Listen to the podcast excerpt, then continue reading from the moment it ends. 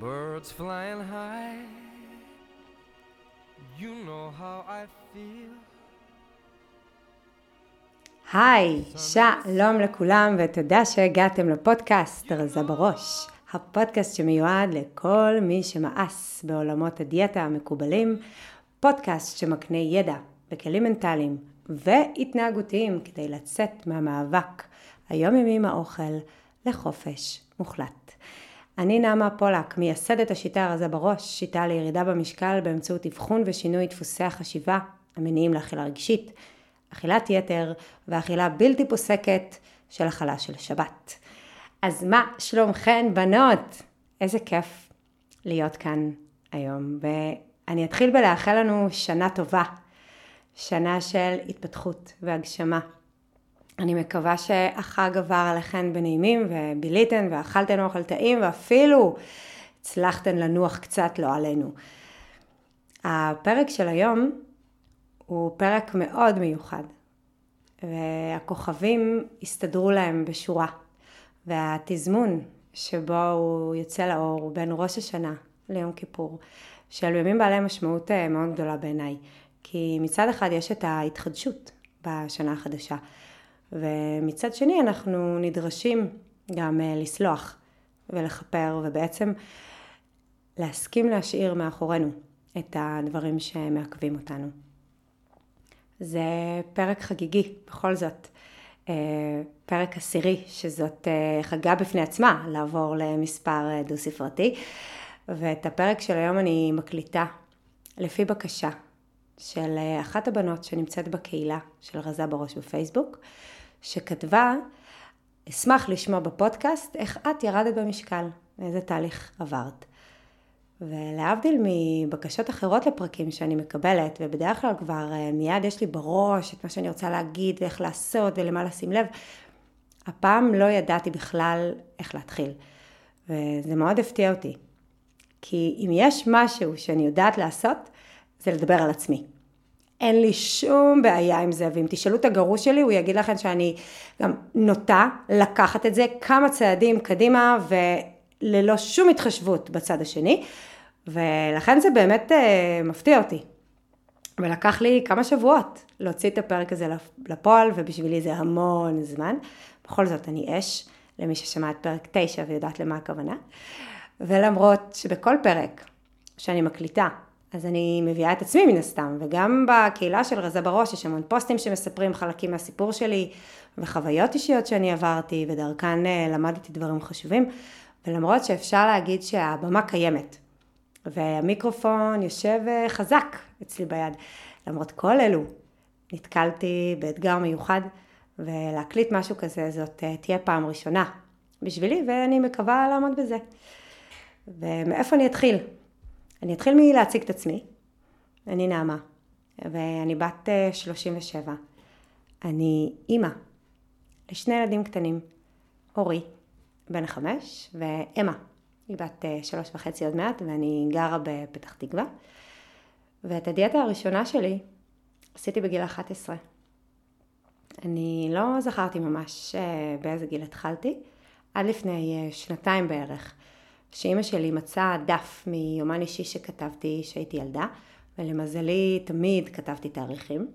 והתאריך של הדף הזה הוא נובמבר שנת 96. אז אני יכולה לדעת בדיוק מתי זה היה ולא לשער, כי אם הייתי מסתכלת על היום, על הדף הזה וקוראת אותו, לא הייתי יודעת בת כמה הייתי כשכתבתי את זה. ואני אצטט לכם אה, משפט מהדף הזה, מהיומן. שלדעתי מספר בפני עצמו משהו מאוד חשוב. זה הולך ככה. יש לי כל כך הרבה דברים על הראש. כמו למשל, לכתוב פה, למלות שתי מחברות, שיעורי בית, הרבה ספורט, כי אני עכשיו מתחילה דיאטה ועוד.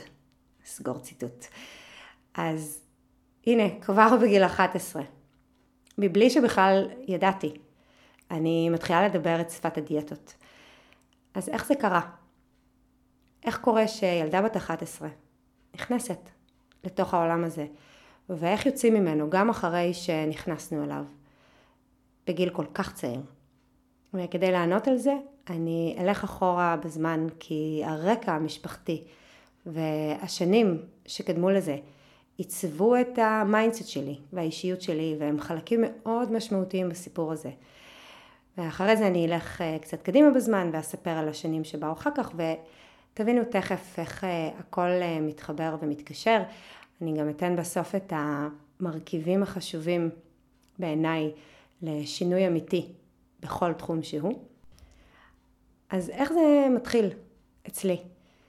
כי לפי התמונות באלבום, אני גדלתי במשקל רגיל, לא יותר מדי, לא פחות מדי, וסביב גיל עשר אולי הפכתי להיות קצת מלאונת, לא יותר מזה. ובבית שאני גדלתי בו, הנושא של המשקל היה עניין. זאת אומרת, לא בהכרח עליי, אבל הוא היה נוכח מאוד אצל שני ההורים שלי. אבא שלי סבל אה, מעודף משקל כמעט כל אורך חייו, הוא היה אקורדיון, עולה, יורד, ובתמונות לאורך השנים ממש רואים אותו כל פעם בגודל אחר, זאת אומרת לפעמים עם הרבה עודף משקל ולפעמים הוא ממש אה, עור ועצמות. אימא שלי לעומת זאת אה, תמיד הייתה חתיכה. היא אף פעם לא סבלה מעודף משקל, להפך, אישה רזה, אבל העיסוק הזה היה מגיע גם ממנה. היא תמיד הייתה מאוד מודעת ופעילה ואכלה בריא, ובכלל אפשר להגיד שהנושא הזה היה לה מאוד חשוב. וכאן חשוב לי לפתוח סוגריים לרגע ולהסביר שאנחנו כילדים, אנחנו לומדים את העולם דרך העיניים של המבוגרים. ואנחנו עושים את זה בלי היכולת שלנו לדעת האם זה נכון או לא נכון. זאת אומרת, אנחנו מקבלים את מה שהמבוגרים מלמדים אותנו, וככה אנחנו מבינים איך להתנהל בעולם, מתוך ההתבוננות שלנו בסביבה. ככה אנחנו יוצרים את ה mindset שלנו, שהוא אוסף של אה, אמונות בסיס שלמדנו מתוך אותה התבוננות. אמונות על היכולות שלנו, על העולם, על איך דברים צריכים להיות, והאמונות האלו הופכות להיות הדרך אה, שדרכה אנחנו מבינים את המציאות. סגור סוגריים. אז אה, אני יכולה להגיד שבדיעבד, מה שקלטתי מאימא שלי, זאת השמחה שלה בזה שהיא בגוף רזה. והמסר שהתקבל אצלי בראש והפך להיות חלק בלתי נפרד מה mindset שלי, הוא שככה זה צריך להיות. עודף משקל הוא דבר לא טוב, ומה שאימא שלי עושה ואיך שהיא פועלת הוא דבר כן טוב. ואני קיבלתי את זה, כאמת מוחלטת. את זה שהשאיפה היא להיות בגוף רזה, ומאוד רציתי להיות כזאת. כי רציתי להיות בסדר, במרכאות, לפי המונחים של אימא שלי. ובעיקר כי רציתי מה שכל ילד רוצה. רציתי שאימא שלי תאהב אותי. ומבלי להבין את זה, מבלי להבין את מה שמנהל אותי, נכנסתי לתוך עולם הדיאטות. אבל אה, לא הצלחתי בזה כל כך. כי את השיטה למדתי מאבא שלי. ראיתי לכל אה, שנות ילדותי את הדרך שלו מול העיניים, ולמדתי שככה עושים אה, בשיטה הזאת, והשיטה, כמו שאתם יודעות, לא מחזיקה אה, לאורך זמן. אה, לאימא שלי לא הייתה את הבעיה הזאת של המשקל, אז לא למדתי ממנה איזושהי שיטה, אלא פשוט ניסיתי להשתוות אליה. והיום שאני חושבת על זה, יכול להיות שזה בדיוק מה שאבא שלי ניסה לעשות ולא הצליח. אולי ניסה להשתוות, או להתקבל לפי המונחים שלה, להיות בסדר, וזה לא צלח, כי בסופו של דבר אה, ההורים שלי התגרשו, שהייתי בת תשע, וכל אחד אה, הלך לדרכו. הייתה תקופה של כמה שנים שהייתי עולה ויורדת במשקל. זאת אומרת, כשהיה מתחיל להיות חם, ובעמק הירדן, בקיבוץ שגדלתי בו, היה חם מאוד, אז הייתי מתחילה לרדת, אז כל קיץ בעצם הייתי יורדת במשקל, ואז מעלה אותו שוב במהלך השנה. אז תראו מה זה mindset של ילדים. אומרת, גם כשאני רואה מול העיניים שלי שיטה שלא עובדת, אני מעתיקה אותה. למה? ככה. ילדה רואה מול העיניים התנהגות, היא מעתיקה אותה. בלי לדעת אם ההתנהגות הזאת היא חיובית או לא, אם היא תשרת אותה או לא תשרת אותה, היא מעתיקה. כי זה מה שההורים עשו. זאת אומרת, זה לא שיש אפשרות לבחור. אז באותן שנים שהייתי אה, עולה ויורדת במשקל, לא באמת קיבלתי את האישור שהייתי צריכה לקבל, או שרציתי ושאפתי לקבל, ולכן זה גם נמשך.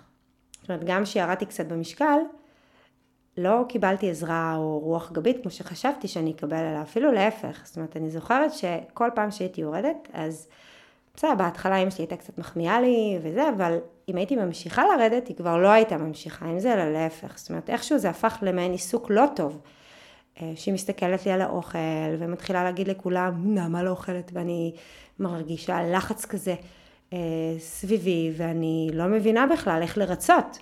אני אמורה לרדת, אני אמורה לעלות, כאילו מה, מה אני צריכה לעשות כדי שיהיו מרוצים. זה הרגיש כאילו בשום מקרה אני לא אקבל את מה שאני רוצה. ובכל מקרה אני יוצאת מופסדת. ומתוך החוויה הזאת התעצבה בשיקוף ישיר מערכת היחסים שלי עם האוכל. אם אני אוכלת, אז הפסדתי, כי יש בזה קלוריות וזה משמין, ואם אני לא אוכלת, אז גם הפסדתי, כי זה טעים. בדיוק אותו דבר. אותו דבר בדיוק. וככה חייתי בעצם אה, מעל 20 שנה בתוך עולם של דיאטות. ומה שעשיתי ועברתי בשנים שיבואו אחר כך, מספר את אותו סיפור אה, ומצטמצם לאותן הבנות שמתחילות מהסיפור הפנימי שלי ומה mindset שלי שמלווה אותי לכל אורך הדרך. כי עשיתי הכל, באמת, עשיתי דיאטת 17 יום, וצום לסירוגין, ואימונים משולבים, וחלבונים, וניקוי רעלים, ואת כל התפריטים שאפשר לחשוב עליהם, הכל. זה בכלל לא משנה מה אני עשיתי, וזה גם לא משנה מה הייתי ממשיכה לעשות. אני הרגשתי שאני רצה בתוך לופ של כישלונות. אני יורדת לתקופה מסוימת, ומרגישה שהנה הצלחתי, והנה אני כבר יודעת, ואני מרשה לעצמי קצת יותר, ובום, הכל קורה מחדש, ואיכשהו אני תמיד מפסידה. אם אכלתי, אני מפסידה, כי אני צריכה לאכול כמה שפחות קלוריות, ואם לא אכלתי אז אני מפסידה, כי יש משהו טעים ולא נהניתי ממנו. אני תמיד מפסידה. זו תחושה שהכרתי מפעם. זו תחושה שמלווה אותי. ואני הרגשתי כל הזמן את התחושת כישלון הזאת, שאני לא בסדר ואני לא מצליחה, והבעיה היא אצלי, כל הזמן. וזו תחושה שאין לה מספר על המשקל, היא נשארת, ולא משנה באיזה משקל הייתי, כי גם כשירדתי, התחושה הזאת הייתה שם. וגם כשהצלחתי לרדת הרבה במשקל, היא הייתה שם. Okay? אוקיי? כי כבר מגיל 26, אה, בערך, אה, התחלתי ירידה מאוד משמעותית. לקח לי שנתיים וחצי עד אה, גיל 28 וצפונה לרדת 30 קילו. עשיתי את זה בדרך הרגילה והדיאט, והדיאטטית. ומה שעשיתי בעצם אז היה לקזז באוכל המיותר. זאת אומרת, גם מבחינת הכמויות שהיה לי הרבה מאיפה לקזז, כי כשהייתי אוכלת אז תמיד אהבתי לאכול הרבה, כאילו צלחות גדולות, וגם אם זה היה סלט, אז זה היה ארגז של אה, סלט, כי יש משהו בכמות של האוכל שנתן לי שקט אה, ורוגע מסוים. ובנוסף לזה גם הייתי, הייתי מתאמנת כל פעם במשהו אחר, אוקיי? כל תקופה החלפתי, פעם היה ספינינג, והייתה תקופה של ריצה, והייתה תקופה של פילאטיס, ולא משנה מה. תמיד החלפתי, כל כמה זמן משהו. והיום אני מבינה ש... זה בגלל שאני אש ואני משתעממת מהר, אני צריכה לעניין את עצמי אה, כל פעם מחדש, ואין מה לעשות. תהליך של ירידה במשקל הוא לא תהליך קצר, אז כדאי לשנות פה דברים לאורך הדרך. אבל הספורט הוא לא המשתנה החשוב באמת בירידה במשקל, אלא האוכל. והפעילות אה, הספורטיבית, הפעילות הגופנית, הייתה יותר כתגבור ואמצעי ענישה. זאת הייתה דרך לשרוף קלוריות שאכלתי. ובמהלך התקופה הזאת שירדתי, עשיתי גם באוכל כל הזמן שינויים, בתפריטים ובכללים. זאת אומרת, הייתה תקופה של יותר חלבונים, הייתה תקופה של אה, אה, פחמימות אה, מלאות, ותקופה שניסיתי בלי סוכר, והיה צום לסירוגין, ותקופה שאכלתי מאוד בריא, לפי מה שנטורופט כתב לי. עכשיו, אין כאן נכון או לא נכון. וזה משהו שחשוב להבין אותו, אלא יש את מה שעובד לי. ובסופו של דבר מה שעבד לי זה לשנות, לעשות שינויים כל הזמן. כי זה היה לי יותר כיף. אומרת, יותר מעניין ולא שגרתי, וזה עזר לי לתגבר מוטיבציה ואני חושבת שיותר מהכל, זה גם ענה בדיוק על המקום שממנו הכי רציתי לברוח, והוא התחושה של אני לא בסדר. כי עצם זה שכל פעם ניסיתי משהו אחר, הבנתי שכל דבר הוא רק לתקופה קצרה, אז דרך זה הצלחתי לפגוש יותר הצלחות ופחות אה, תחושות של אה, כישלון. אבל mindset אה, זה, זה לא משהו שאפשר לברוח ממנו. ובגלל זה אתם תראו אנשים שעושים קיצורי קיבה ובסוף עולים במשקל. mindset זה משהו שצריך לכתוב מחדש. וגם אחרי שירדתי 30 קילו, אני לא הגעתי לחוף מבטחים. אני שמרתי על זה במשך שנים, על התוצאה הזאת. שמרתי על זה במלחמה יומיומית, אינסופית, שגבתה ממני מחיר מאוד מאוד גבוה. והכותרת של המלחמה הזאת היא אותה שורת ווייז הקבועה שלי. אני לא בסדר. אכלתי את זה, אני לא בסדר. עשיתי ככה, אני לא בסדר. לא הלכתי לאימון, אני לא בסדר. הלכתי לאימון קצר, אני לא בסדר. התאמנתי פחות מדי, אני לא בסדר. וכל הזמן את לא בסדר. אז היום אכלתי סלט, וזה נשברתי בערב וירדתי לחצי בית, וכמובן שאני לא בסדר. ואז אני צריכה לקזז את הדבר הזה למשך כמה ימים, וכל הזמן, כל הזמן, אני במאבק עם הגוף שלי, ואני כועסת עליו שאני צריכה להכיל אותו. ובא לי להיות uh, מאלו שלא אוכלות כלום, או שלפחות uh, מצליחות עם זה מדי פעם. אז uh, כבר אפשר להבין שהמשקל שלנו הוא לא מה שבאמת משנה לנו. הוא בטח לא משקף שינוי אמיתי. כי זה לא משנה כמה נשקול. זה משנה מה נרגיש כלפי הגוף שלנו, ומה נחשוב על המשקל שלנו. אם אני שוקלת 90 קילו, או 60 קילו, זה לא משנה אם ככה או ככה אני מרגישה רע עם עצמי. ובמצב כזה, שאין בו באמת שינוי תפיסתי, המשקל אה, יעלה בחזרה. כי אם אני סובלת ככה או ככה, ואני לא בסדר ככה או ככה, אז המוח ינווט אותי בסוף להתנהגות שיותר נוחה לו, ואיפה שהוא ירגיש יותר בבית. ובמקרה שלי זה היה לשלוח אותי כל פעם לאכול ובהגזמה, ולהמשיך את אה, אותו מעגל קסמים שלא נגמר אף פעם. החדשות הטובות הן אה, שהיות ולא נולדנו כתינוקות עם mindset כתוב, זאת אומרת אנחנו נולדנו למעשה בלי תכנות, בכלל בלי programming, אז כל מה שנמצא שם וכתוב לנו בשורת Waze שלנו, כל זה אנחנו כתבנו. ואם אנחנו כתבנו, אנחנו אלו שיכולות לשנות את זה. אם נצליח או לא נצליח, זאת שאלה אחרת. אבל מבחינת אפשרויות, זה אפשרי לשנות הכל, וזה עלינו. האחריות לשנות משהו שלא משרת אותנו, היא שלנו בלבד. ואיך התחילה uh, התפנית בעלילה בסיפור שלי? זה היה שהחלטתי ללמוד NLP, ובמהלך הלימודים, עוד uh, בהתחלה, נפל לי אסימון ענק ברמה של רעידת אדמה. אני לא זוכרת בדיוק על מה דובר באותו רגע בכיתה, אני זוכרת שפתאום הבנתי את זה שיש רווח במשקל ואותו צריך לפענח. והבנתי את התפקיד שהיה לי אה, מול אימא שלי בכל נושא המשקל, שזה בעצם אומר שהבנתי את הרווח הלא מודע שהלך איתי כל השנים, בלי שבכלל ידעתי. Okay? אוקיי? פתאום התבררה לי ההבנה שתפסתי כילדה. אני הבנתי שאם אני רוצה שאימא שלי תהיה שמחה, אז אני צריכה להיות יותר שמנה ממנה.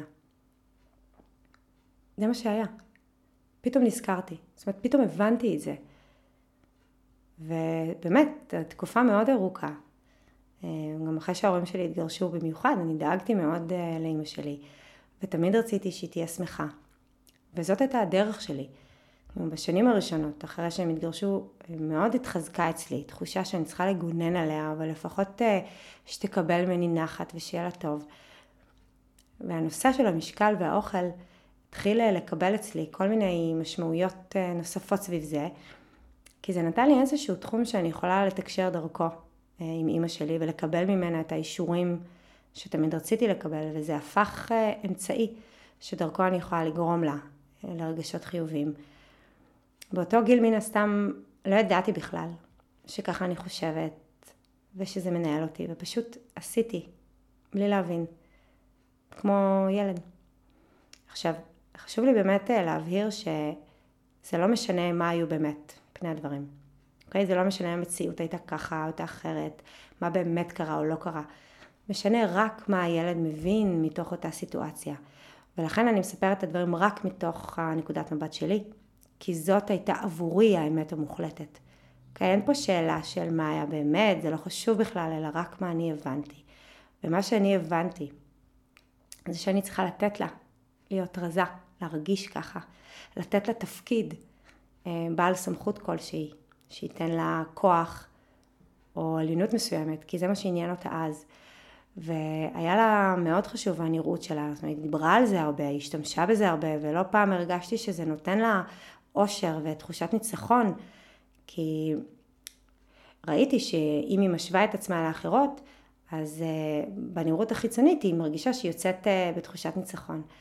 ואני, שכל הזמן הרי רציתי להיות בסדר, במרכאות, אז קיבלתי את התפקיד הזה וקיימתי אותו יותר מ-20 שנה עד הרגע שגיליתי אותו. ואיך אנחנו יודעות שגילינו רווח לא מודע? אנחנו מגלות משהו שלא ידענו שהלך איתנו כל השנים האלו. וברגע אחד הכל פשוט uh, התברר לי. גם הרגשתי בגוף את, ה, את התובנה הזאת. המודע שלי פתאום זיהה uh, מידע שהיה קיים שם מאחורה המון המון שנים, וזה היה מוכר לו, והסתדר, והכרתי את זה, פשוט זיהיתי את זה. ומה שחשוב הוא לא מה שגיליתי רק על עצמי ועל התפקיד שאני גילמתי כל השנים, כי מה שחשוב כאן זאת ההבנה שיש רווח לא מודע. וזה הדבר שאותו אנחנו צריכות לפענח. זאת אומרת שאם מישהי מנסה לרדת במשקל ולא מצליחה, וניסתה וניסתה, והחליפה אה, חלבונים בפחמימות, וצמה ימים ושבועות, בסוף היא חוזרת לנקודת ההתחלה, צריך להבין מה כתוב בקוד הלא מודע שלה. מה כתוב ב mindset שלה שגורם לה כל פעם להתנהג בצורה שסותרת את הרצון שלה לרדת במשקל. ובאותו רגע שאני הבנתי את הרווח, אני ויתרתי עליו. זאת אומרת שלא מספיק רק לזהות את הרווח, אלא צריך גם להסכים לוותר עליו. זה לא תמיד אה, כל כך פשוט, כי לפעמים יש לנו הרבה רווח מהרווח הזה. אוקיי? כי אם זה למשל תשומת לב שאנחנו מקבלים מהמשקל, ואם זאת הגנה, אז זה לא תמיד אה, ויתור מיידי, אלא צריך להסכים בצורה שקולה והגיונית להבין שאני לא צריכה את הרווח הזה יותר דרך המשקל, ואז להסכים לוותר על זה. באמת מהרגע שוויתרתי עליו נגמרה אצלי המלחמה. ואני שלא הכרתי את עצמי בכלל, בלי המלחמה הזאת, התחלתי להתנהל מחדש בעולם, ולבחור מה אני רוצה שיהיה, ואיך אני רוצה שיהיה, וככה לבחור את מה שמשרת אותי, ולכתוב בעצמי את ההוראות הפעלה שלי. ומה שקרה הוא שהתחלתי לשקם את אה, מערכת היחסים שהייתה לי עם האוכל. עברתי ממערכת יחסים שבה אני רק מפסידה, וכזאת שאני רק, לכזאת שאני רק אה, מרוויחה בה. והתחלתי להסתכל על האוכל כדבר שמרפא אותי, דבר שבא לעשות לי טוב, להזין אותי. התחלתי לראות פתאום כמה יש באוכל חוץ מקלוריות. יש ויטמינים, ויש מינרלים, ויש נוגדי חמצון, ויש אבני בניין, וממש התחלתי נקרא לזה לראות את האוכל בצורה אחרת לגמרי, ולבחור אותו בצורה אחרת ממה שהייתי רגילה. התחלתי לבחור אוכל לפי מה שהוא נותן לי, לפי מה שאני מקבלת ממנו. וזה אומר לבחור את האוכל לפי הדברים החיוביים שהוא נותן לי. זה שונה לגמרי ממה שהייתי רגילה עליו, שזה לראות אוכל כדבר שמזיק לי, ובהתאם לזה אה, לבחור אוכל שהוא הרע במיעוטו. אני באמת הייתי רגילה לראות אוכל רק לפי קלוריות ורק לפי התפיסה שזה משמין אותי ואני צריכה לאכול ממנו כמה שפחות ולהיזהר ממנו.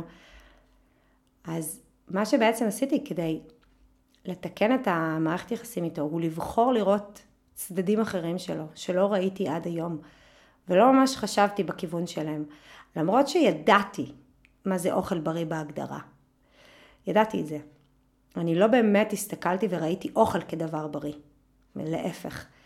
זה כמו בכל מערכת יחסים, גם מול אנשים. אם אני מסתכלת על הצד השני ורואה רק את הרע שהוא עושה לי, אז uh, מערכת היחסים איתו תהיה בהתאם. ולעומת זאת, אם אני רואה כמה טוב הוא עושה לי, זה כבר סיפור אחר לגמרי. וככה הסתיים המאבק שלי מול האוכל. הוא הסתיים כי התחלתי ליהנות ממנו. הפסקתי לפחד ממנו. בחרתי בו. אני לא אכלתי כי הייתי צריכה, אלא בחרתי לאכול, בחרתי מה לאכול וכמה לאכול. התחלתי להקשיב לעצמי מתי אני רעבה, מתי אני שבעה, ולכבד את הגבולות של הגוף שלי במובן הזה שאני לא מושכת רעב, וגם לא אוכלת עד שאני מתפוצצת. והדבר הכי מדהים שקרה הוא שבאמת תוך אה, שלושה ארבעה חודשים ירדתי עוד עשר קילו בנוסף על השלושים האלו שכבר ירדתי לפני זה ושמרתי עליהם כמה שנים, אבל הפעם לא התאמצתי בכלל. להפך, נהניתי. זאת אומרת, בפעם ראשונה בחיים לא שמתי את זה למטרה. כי הרי לכל אורך חיי תמיד רציתי לרדת במשקל, ולא משנה באיזה משקל הייתי, זו תמיד הייתה מטרת העל שלי. ובפעם הראשונה עזבתי את המספר על המשקל כתוצאה, עזבתי אותו כאינדיקציה והתחלתי להקשיב ולעשות בהתאם למה שהגוף שלי מבקש, וזה דבר די מפחיד לעשות. אני גם רואה היום אצל הבנות שבאות אליי לליווי, שזה אחד הרגעים הכי מפחידים בתוך תהליך.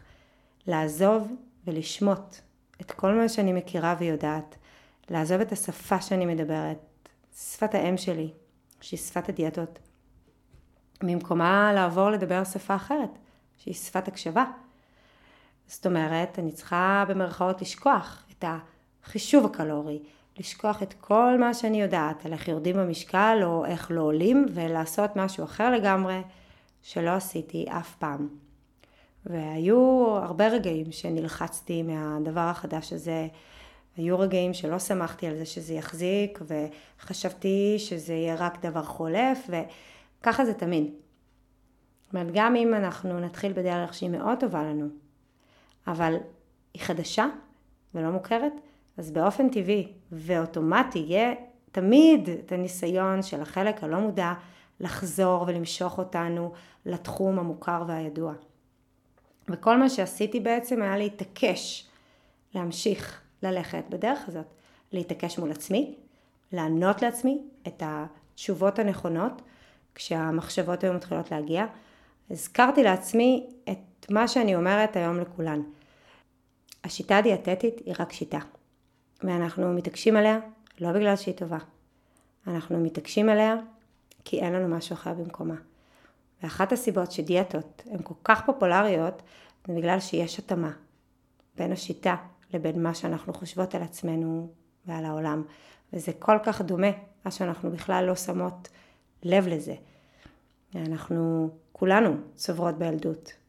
הרבה חוויות ישירות לתוך ה mindset שלנו, חוויות שמתכתבות באותה שפה של הדיאטות. אוקיי, לכולן יש חוויות של אני לא בסדר, חוויות של אם רק טה-טה-טה, אז טה-טה-טה. הכל או כלום. הצורך באישור מבחוץ, ריצוי ותחושה שאני לא מספיק טובה. בואו, למי אין את התחושה הזאת? וזו תחושה שלמוח היה הרבה רווח להמשיך ולקיים אותה אצלי. עכשיו נכון שבפועל אני סבלתי והייתי מתוסכלת, אבל זאת השפה שידעתי לדבר.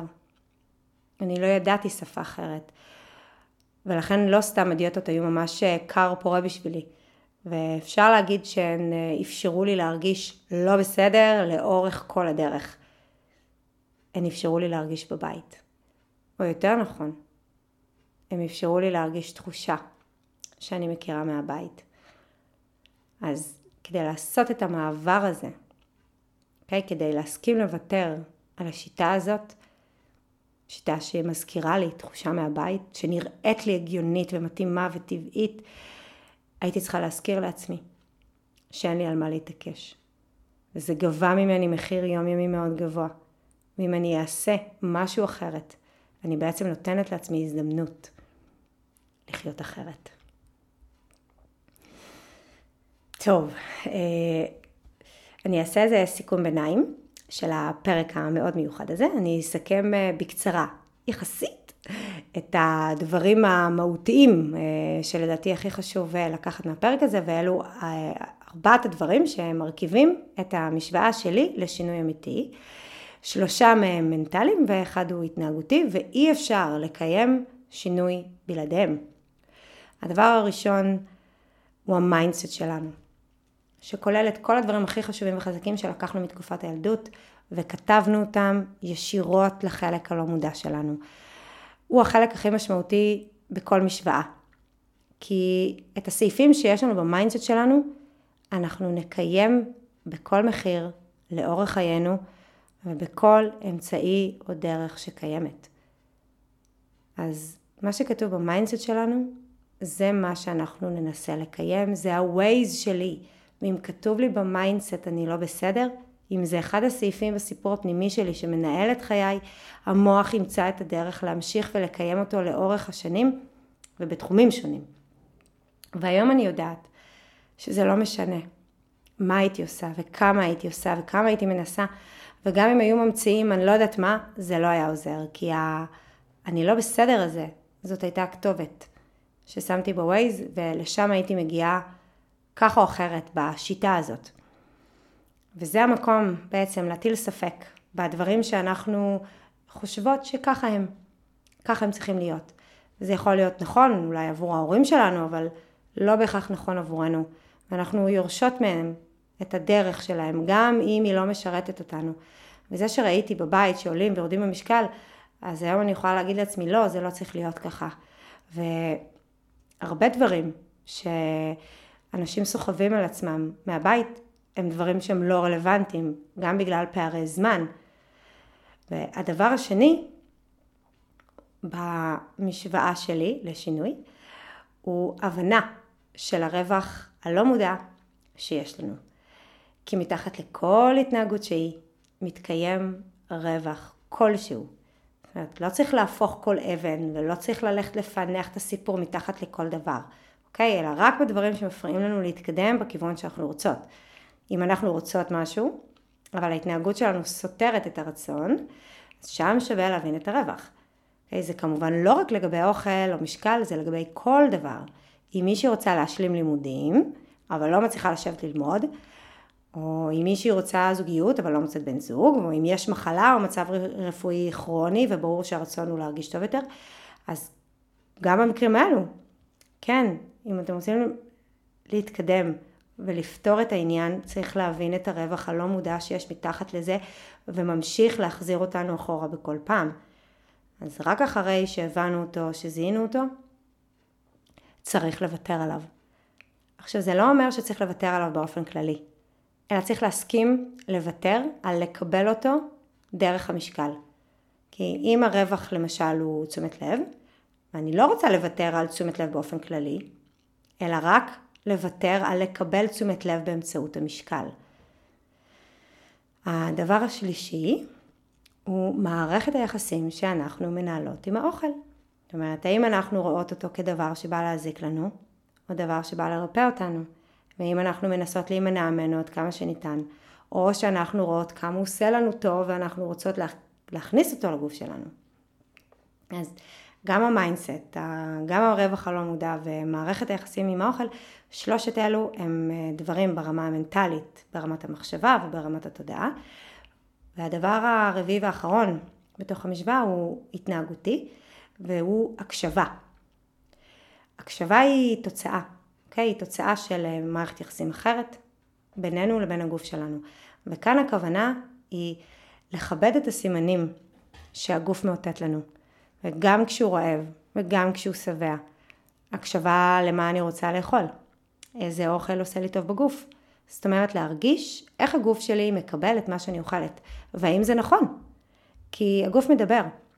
ואם רק נקשיב אנחנו נקבל את כל האינפורמציה הכי מדויקת עבורנו ולא נצטרך שאחרים יכתיבו לנו מה לאכול או לא לאכול וכמה לאכול. ויותר מזה, ההקשבה היא, היא הרי לא רק בעניין אוכל, ההקשבה היא גם בפעולות שאנחנו בוחרות לעשות. היא, זאת בחירה בפעולות שתומכות את אורח החיים שלנו.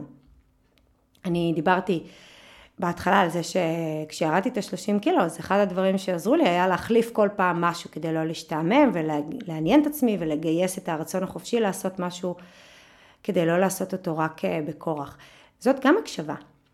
להבין מה נכון לי, מה עובד לי, מה אני רוצה שיהיה ביומיום שלי. כי אורח חיים זה לא תהליך.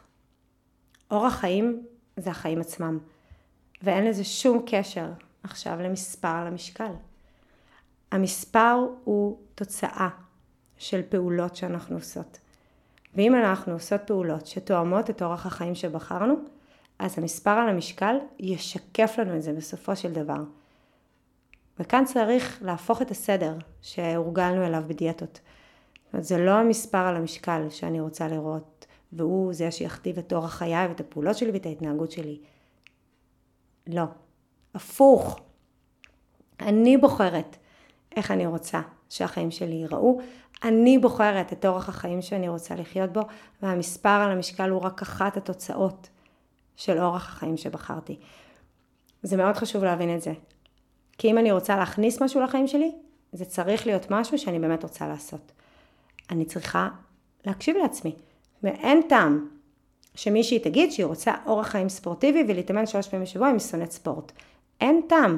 היא יכולה לשלב פעילות כזאת, פעילות אחרת, לשאול את עצמה האם יש איזושהי פעילות שהיא בכלל תרצה לעשות וגם אז היא לא חייבת.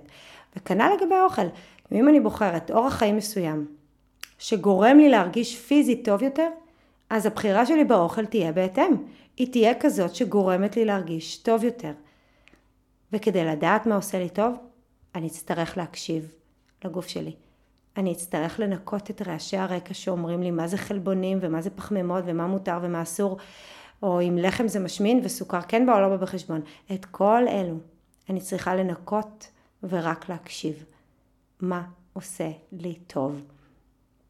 אין דבר באוכל שהוא נכון בצורה חד משמעית לגבי כולם.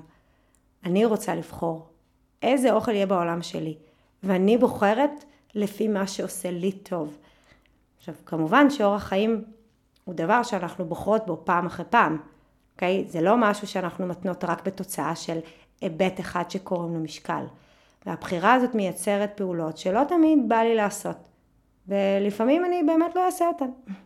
אבל ברוב המקרים אני כן אעשה, ולכן אה, זה אורח חיים קבוע ולא דבר חולף. אני לא יכולה לבחור בו רק מתי שנוח לי ומסתדר לי.